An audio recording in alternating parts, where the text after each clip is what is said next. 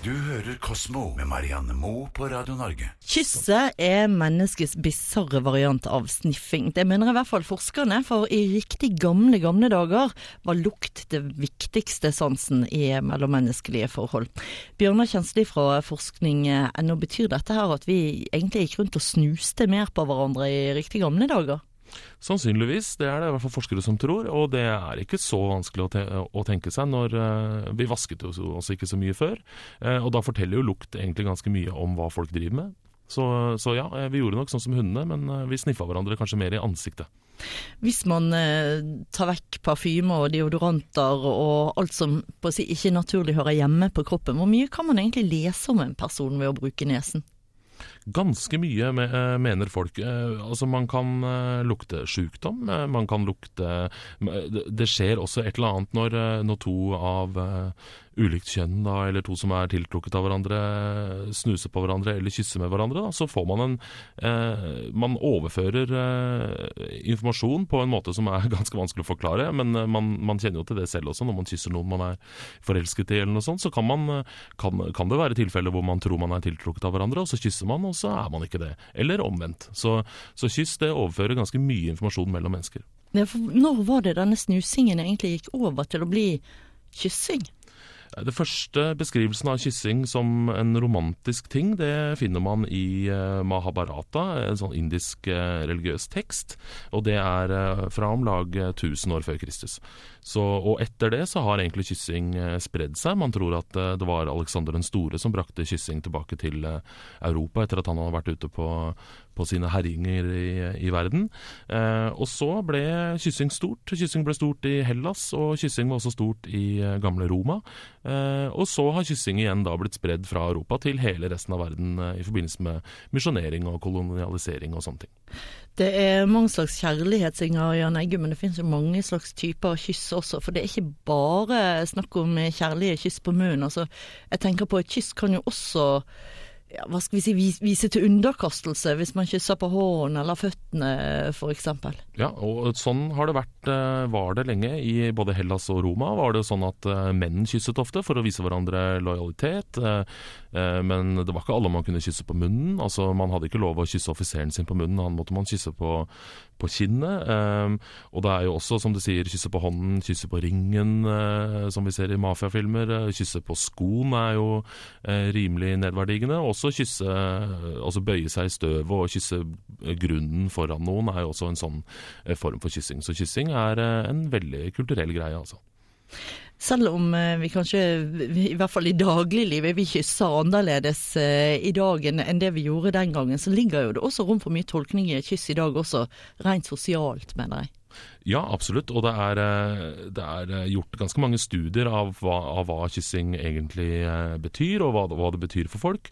Eh, nå kysser jo de aller fleste. Eh, med, altså når, det har noe med romantikk å gjøre. Og som jeg sa tidligere, så, så, overfører det veldig mye informasjon. Mange som svarer på sånne spørreundersøkelser, svarer det at, at, folk som de trodde de var forelsket i, viste seg å ikke være den rette etter man har kysset med hverandre. Og da kan man jo lure på hva som har skjedd. Mm. Er det noe vi kvinner kanskje spesielt var for? Altså, jeg vet ikke om det bare er innbilning, men er det ikke sånn at kanskje kyss er viktigere for kvinner enn menn? Det er det også noe forskning som tyder på, at uh, menn uh, egentlig kysser for, å, for, at de vil ligge med noen, mens uh, for kvinner så betyr kysset egentlig da mer i seg selv. Så det er faktisk forskning som støtter det. Så egentlig så er det litt risikosport for en mann da å kysse en kvinne? Ja, Fordi at det, det, sjansen for å bli avvist og ikke komme til mål er ganske stor? Det kan hende, og det er også, også spørreundersøkelser som tyder på at, eh, at, for menn så kan man godt eh, Ganske mange menn kan godt ha sex uten å kysse, mens det er, eh, er mer utelukket for kvinner. Så det kan være litt risikosport. Du hører Kosmo med Marianne Moe på Radio Norge. Jogging forlenger eh, livet. Det viser en 35 år lang dansk studie. Men eh, den beste nyheten er kanskje i hvert fall for sofapotetene at det er ikke så veldig mye som skal til heller før en oppnår effekt. Dette her er jo eh, nesten som musikk i ørene for en som meg som syns at det kan være ganske tungt å dra seg ut etter en lang dag på jobben. Bjørnar Kjensli fra forskningen. Hvor stor er egentlig effekten man får av noen timers jogging i uken? Ganske stor ifølge denne studien her. Altså det å lett jogging, da, et par timer i uka bare, da kan du forlenge livet ditt med altså 5,6 år for damer og 6,2 år for menn, viser denne studien her. Så det er ganske lenge. Det er også danske forskere som eh, konkluderer med dette her i uh, The Copenhagen City Heart Study. Kan du si litt om denne undersøkelsen og, og hvordan den har foregått?